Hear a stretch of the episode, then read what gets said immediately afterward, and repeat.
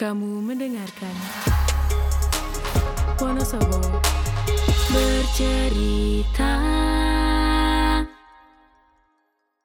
Hai semuanya, balik lagi nih sama kita di Wonosobo bercerita. Udah lama banget kita vakum uh, untuk podcast Wonosobo bercerita sendiri. Kalau mungkin temen-temen kangen ya ngedengerin apa itu Wonosobo bercerita, boleh nih dicek-dicek dulu. Kemarin season 1 Wonosobo bercerita kayak apa sih? Nah, oh iya, aku lupa memperkenalkan diri dulu ya. Perkenalin dulu, aku Wanda. Di sini bakalan balik lagi jadi host kalian dan sekarang aku ditemenin salah satu tim Wonosobo bercerita yaitu Aku Alam, jadi eh, aku selama ini jadi editor VO dari Musuh Bercerita Sekarang kebagian jadi host dari podcast season 2 gitu Yoi, nah sekarang nih aku sama Alam kemarin eh, ada ide nih bahwa season 2 nih mau dibuat beda ya nggak sih Lam? Betul. Gimana tuh bedanya? Boleh Jadi, diceritain? Eh, Kita kan kemarin sempat eh, bahasan kita serius-serius gitu Kayak ngebahas stunting, ngebahas eh, soal barang antik di pasar itu, pasar sumberan Iya. Nah kita berusaha untuk eh, membawa vibes yang berbeda di season 2 ini Yaitu yang lebih apa ya lebih fun kali ya Iya, dan juga lebih up to date kali ya. Kalau kemarin tuh kan eh, konten-kontennya yang everlasting gitu ya, yang kayak eh, kapan pun didengerin bakalan oke. Nah, kita di sini bakalan berusaha bawain topik-topik yang up to date. Betul.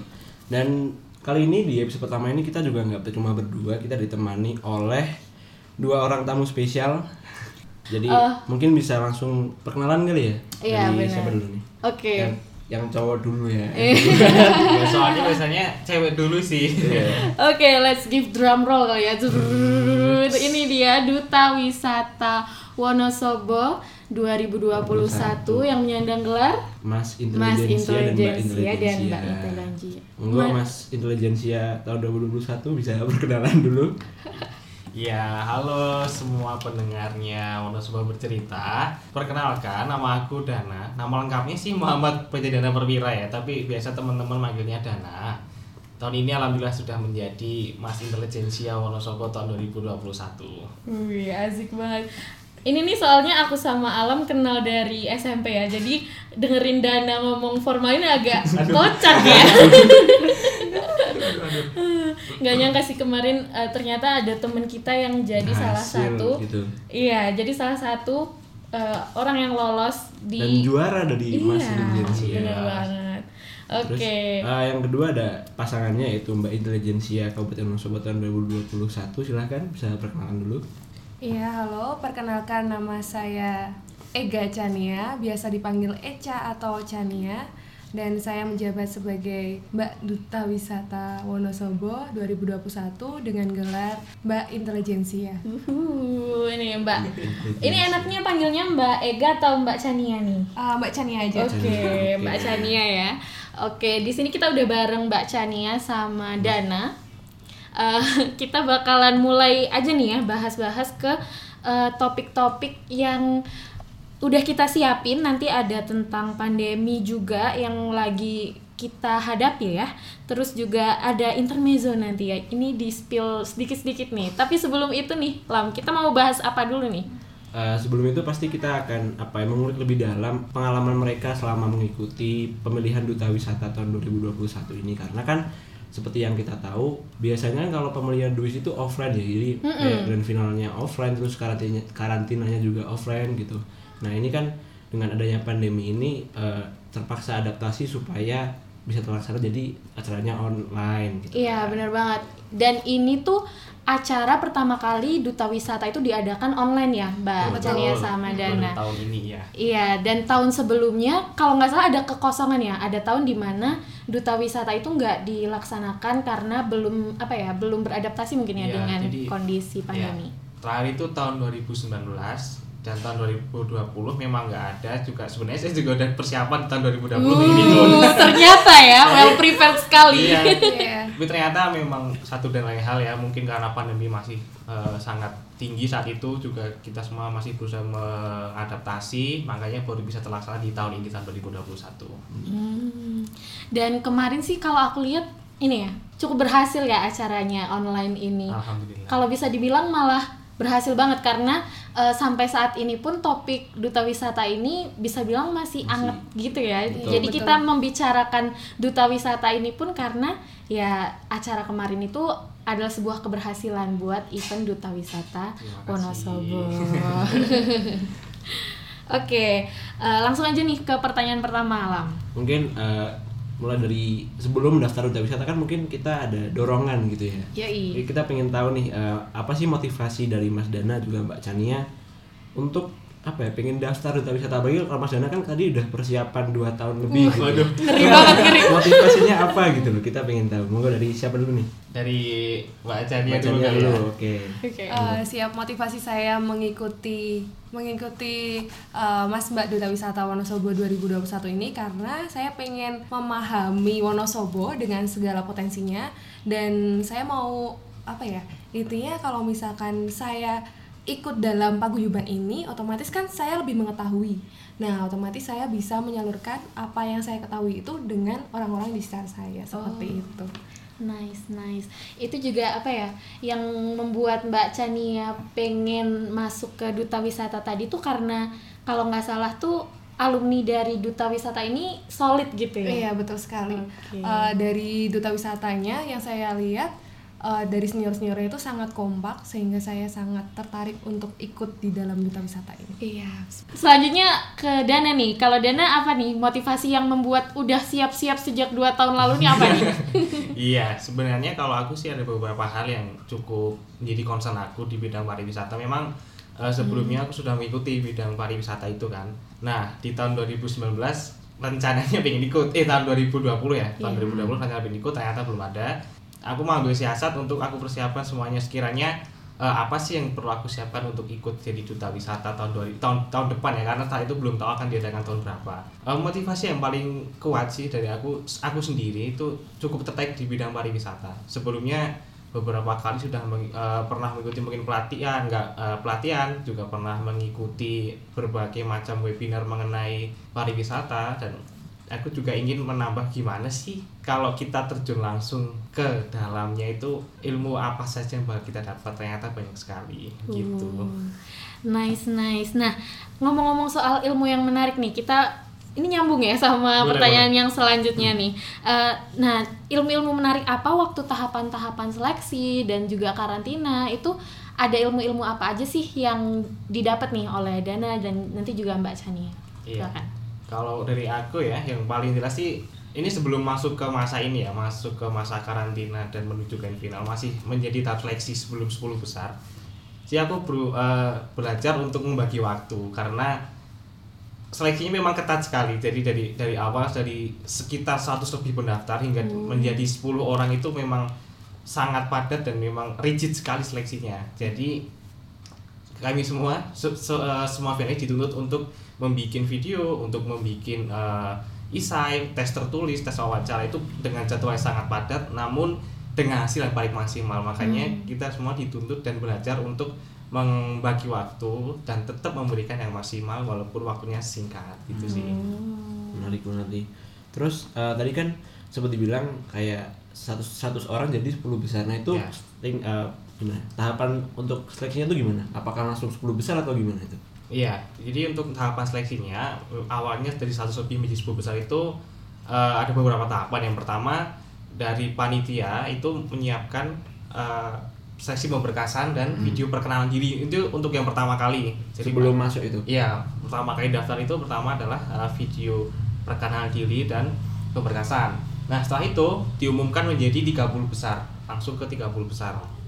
Setelah 30 besar untuk uh, masuk ke 20 besar itu ada seleksi wawancara bersama dengan tentunya dewan juri yang sangat luar biasa dari awal sudah menunjukkan uh, komitmen dan kompetensinya.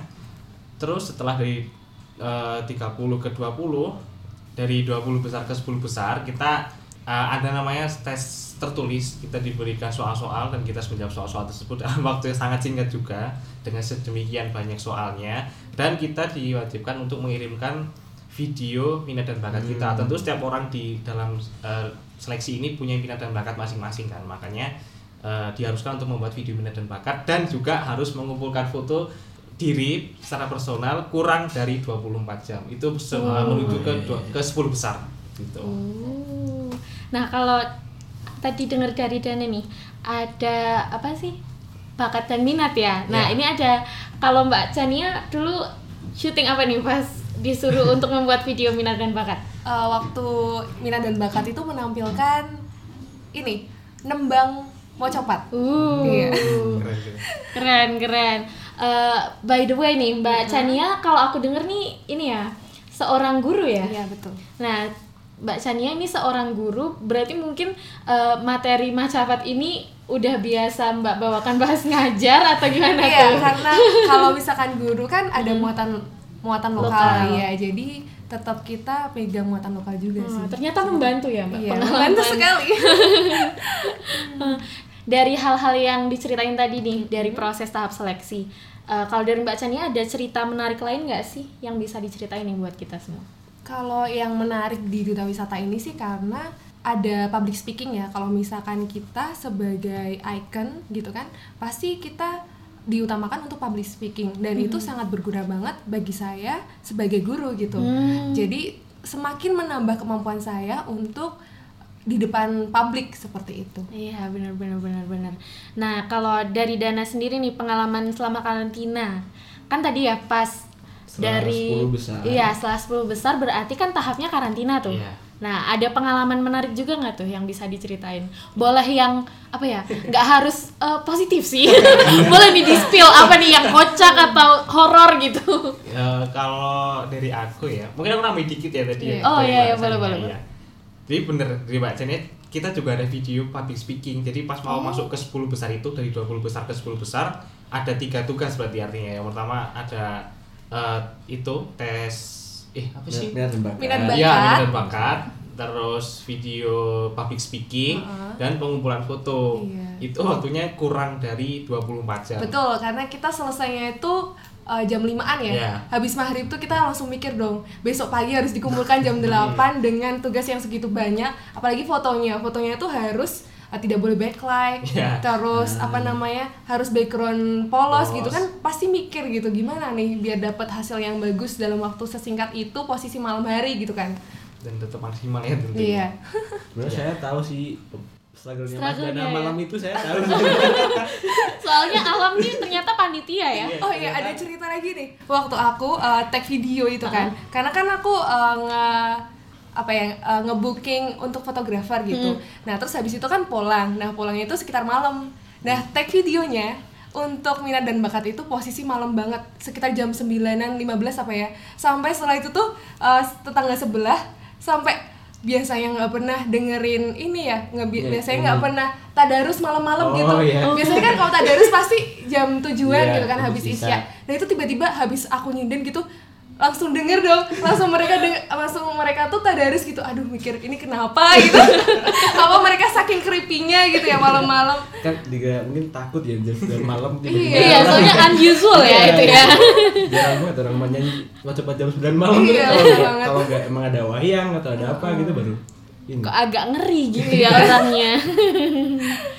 Oke, tadi udah bahas soal cerita-cerita menarik nih. Nah, habis itu kita mau bahas soal latar belakangnya Dana sama Mbak Chania. Nah, dari Mbak Chania sendiri seperti yang tadi aku bilang kan kesibukan sehari-harinya itu sebenarnya sebagai seorang guru. Nah, ini Betul. sebagai guru di SD. SD 8 Wonosobo Iya, sebagai guru di SD 8 Wonosobo. Baru berapa bulan Mbak tadi ya? dari Januari Mm-mm, Januari- penempatan Januari. tanggal 6 6 Januari Setelah- eh, berarti selama sembilan, 9 bulan ini menjadi eh, seorang guru di SD 8 Wonosobo. betul Kemudian eh, itu gimana tuh Mbak manajemen waktu dan prioritasnya ketika memutuskan untuk ikut duta wisata Wonosobo ini?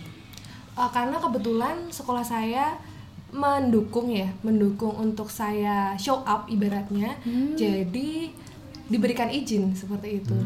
Iya, jadi untuk tugas-tugas yang lainnya karena posisi saya juga waktu itu masih latsar, jadi menggunakan tugas dan surat dispensasi sudah cukup. Untuk tugas-tugas kan juga secara offline, eh secara maaf secara online ya, jadi masih bisa dihandle pada saat itu. Eh, berarti pada saat itu untuk manajemen waktu dan prioritas sendiri sebenarnya nggak ada masalah ya nggak mbak ada masalah sebenarnya Berarti kayak selama eh, pelatihan kan eh, pelatihan di Kledung sempat terus buat di online juga itu apakah ada kendala? Kan kayak ngajarnya tuh gimana gitu mbak mungkin.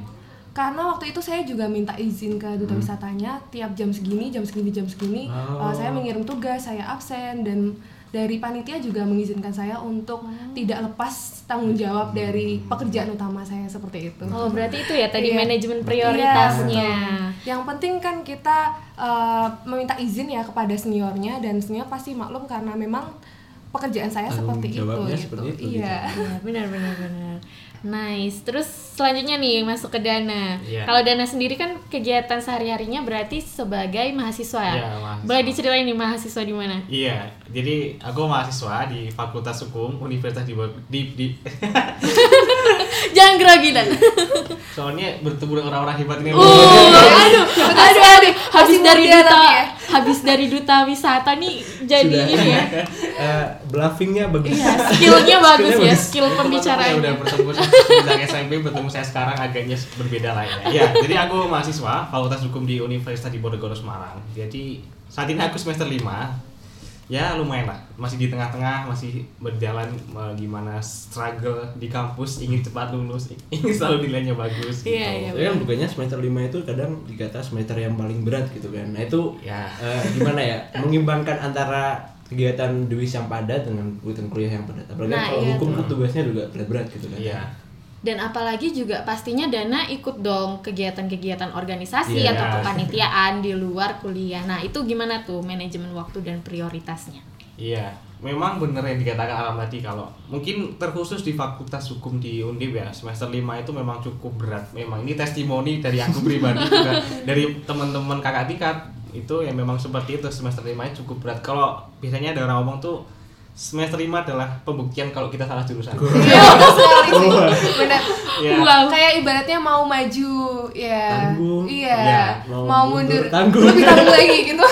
ya tapi terlepas dari itu semua yang ingin aku sampaikan ya kita udah terjun ke situ kita harus manfaatkan situ dengan maksimal nah terkait dengan membagi waktu atau caraku untuk ikut duta wisata dan tetap kuliah dengan normal dengan segala kegiatannya ya tentu dengan skala prioritas hampir sama dengan Mbak Chania tadi karena kita pasti bisa merencanakan mana yang penting genting, penting tidak genting dan lain sebagainya kita tentu bisa merencanakan itu. Dan duta wisata ini kan memang dari awal kita sudah dikasih tahu ya timelinenya tanggal segini tuh ngapain tanggal segini ngapain sampai grand final itu sudah lengkap. Jadi kita sebagai finalis saat itu semuanya bisa merencanakan waktu kita masing-masing. Begitu juga mungkin Mbak Chan sudah izin ke pimpinannya saya juga sama. Saat itu saya beberapa kepanitiaan juga saya minta izin dan doa restu dengan ketuanya. Saya mau daftar duta wisata anda diperbolehkan saya juga mengakui Mbak Chan jadi bener ketika ketika masih coaching baik itu secara online maupun offline ya memang Mbak Chan tuh sering banget saya eh, Mas ke panitia ya Mas saya izin mau absen dulu. Mas saya Iya. izin mau mau hubungi siswa saya dulu. Saya aku salut banget sih sama Mbak Chan memang mantep lah. Applause. Tadi kan Oke. eh, sempat misalnya sempat eh, mention soal grand final. ya Terus eh, seperti yang kita tahu kan biasanya itu grand final adalah eh, momen di mana semua orang tuh ngumpul gitu di Iya, alun atau di mana untuk mendukung pasangan favoritnya. Iya. Gitu. Nah dengan adanya pandemi ini kan otomatis ada beberapa adjustment yang harus dilakukan kayak misalkan dibatasi pengunjungnya Iya, dan betul. dilakukan oleh tem- eh, di tempat yang tertutup. ya Nah, eh, ada nggak sih kayak eh, apa ya kayak saran atau saran bukan saran apa ya Eh, pengalaman yang menarik ketika kayak dari mulai grand final dari persiapan geli bersih sampai akhir itu ada ada hal-hal yang bisa dikulik gak sih dari itu? Iya.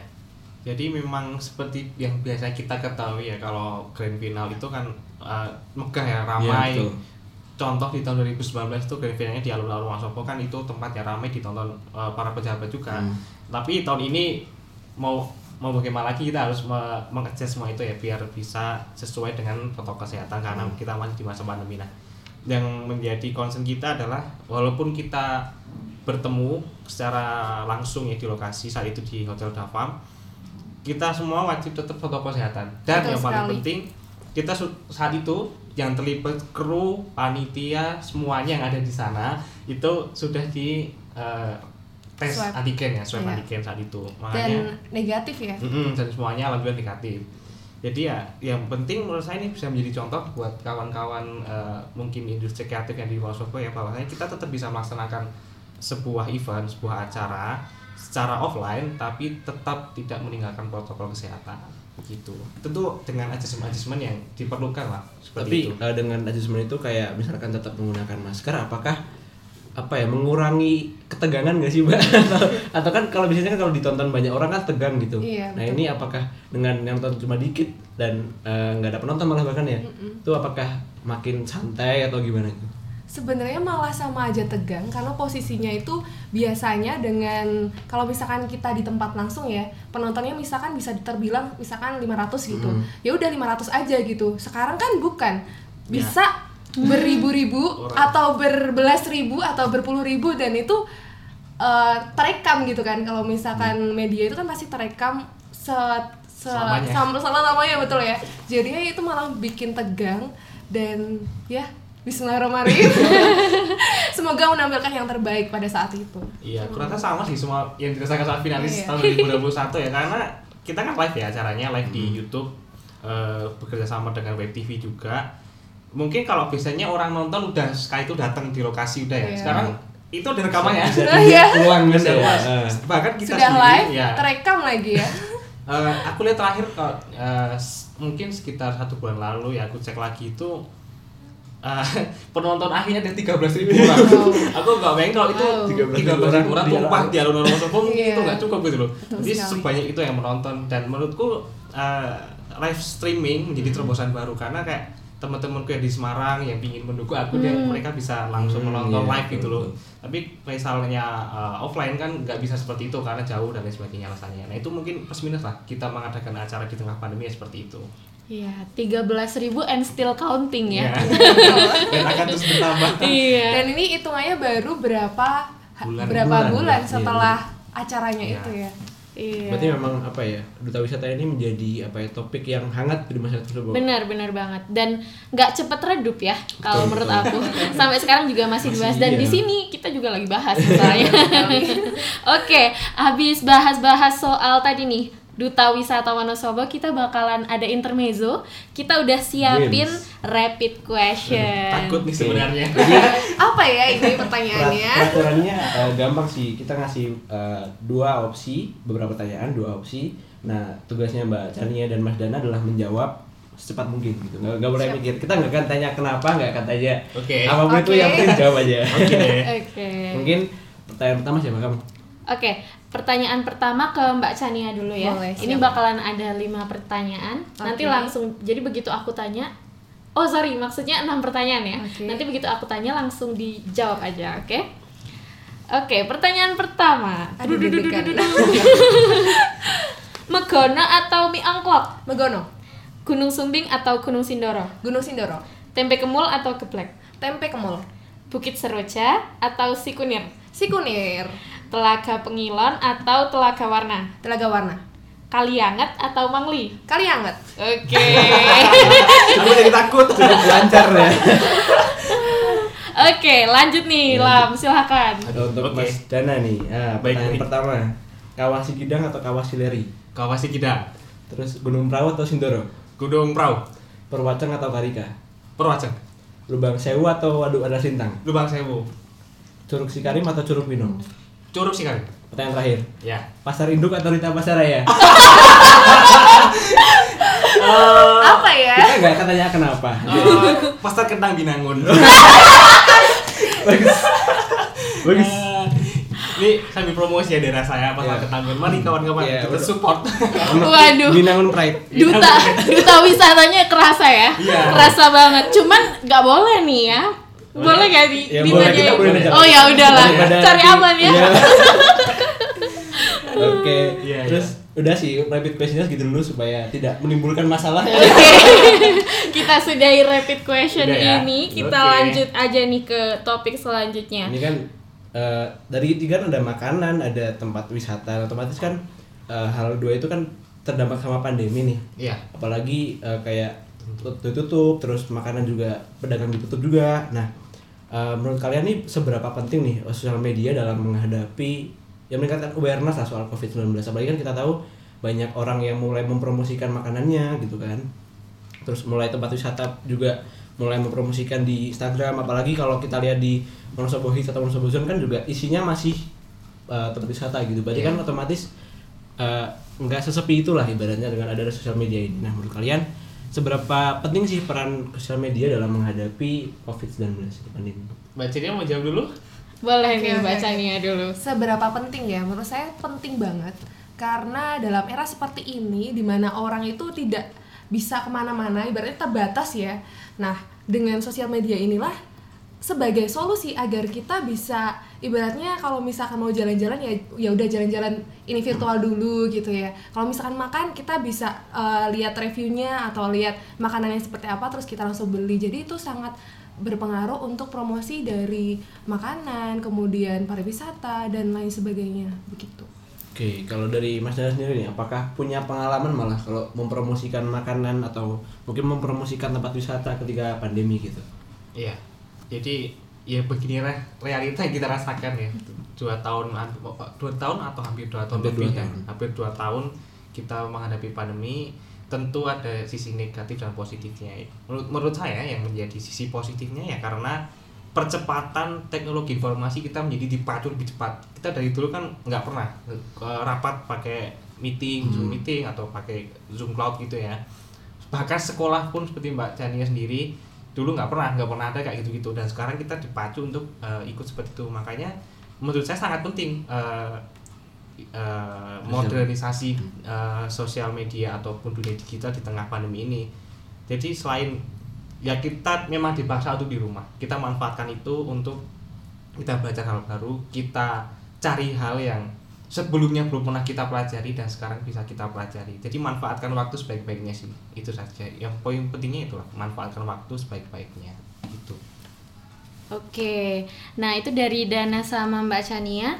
Nah kalau dari sisi menghadapi pandeminya sendiri, kalau dari Mbak Chania ada tips-tips nggak nih buat pendengar misalnya? Kalau Mbak Chania kan guru ya, mungkin buat tips-tips buat ibu-ibu yang lagi ribet ngurusin anak-anaknya yang sekolah online atau apa gitu, boleh nih dikasih tips-tips. Untuk ibu-ibu pastinya harus sabar ya. Karena eh, sebenarnya dengan adanya pandemi ini yang di mana dulu eh, tugas guru itu untuk guru aja. Sekarang itu orang tua bisa belajar untuk menjadi guru juga dan mereka juga harus sabar sih intinya kemudian kiat-kiatnya apa kalau misalkan saya sendiri saya bisa melakukan hobi yang saya senangi di rumah gitu kemudian dengan adanya pandemi juga bisa melaksanakan pembelajaran sekalipun tidak dalam satu ruangan tapi kita bisa terhubung di dalam dunia maya seperti itu. Asik. Oke, selanjutnya kalau Dana nih sebagai mahasiswa ada tips-tips gak sih kalau dari Dana nih yang sudah menjadi duta wisata Wonosobo ya kan? Tips-tips untuk eh, tetap produktif mungkin Menghadapi selama pandemi pandemi ini. Iya. ya.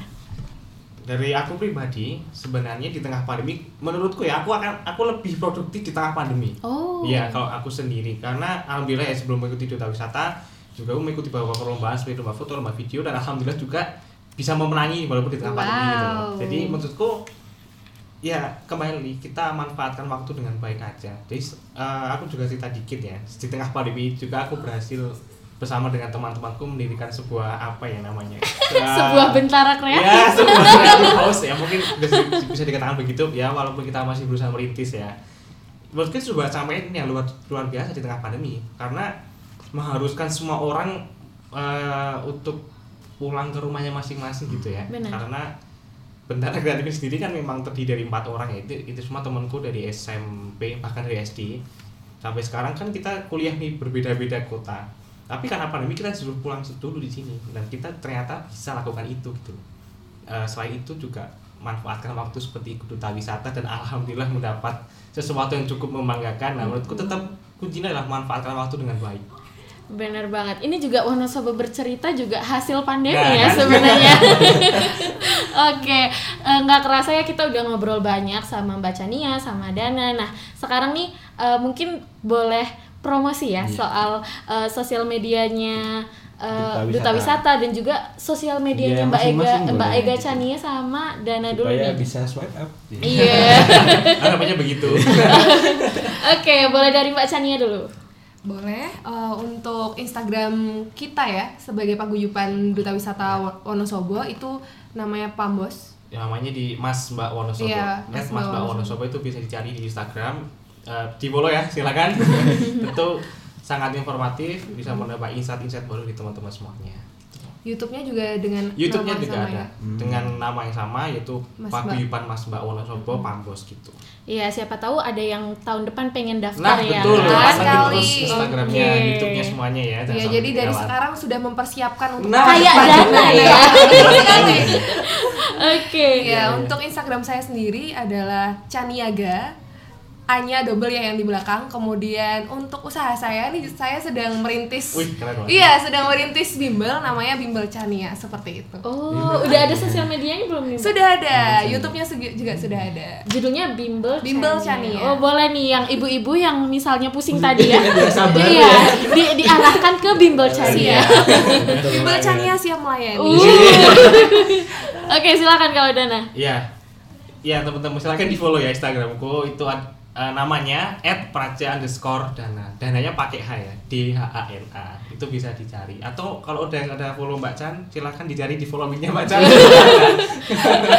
gitu ya teman-teman, bisa. silakan di-follow, silakan diikutilah kegiatan-kegiatan kami semoga bisa menginspirasi, bisa selalu memberikan yang terbaik untuk teman-teman semuanya. Amin. Amin, luar biasa banget hari ini. Makasih buat Dana sama Mbak Chania. Terima kasih. Jangan lupa Terima juga, oke, jangan lupa juga follow Instagram kita di mana eh, di mana Alam? di Wonosobo di bercerita di Instagram dan di TikTok. Yoi. Kita punya TikTok. kita bakalan punya TikTok dan juga ekspansi ke YouTube Iya nih teman-teman. nama Dan yang sama. Ya, iya, jadi dipantengin terus nanti juga di Instagram kita bakalan ada nuansa baru yang tadinya voice over ya kan. Kita bakalan adain reels-reels tapi isinya tentang Wonosobo nih, nggak jauh-jauh soal Wonosobo. Dan boleh nih ya promosi aku sendiri. Boleh, boleh, Boleh, boleh. boleh, boleh.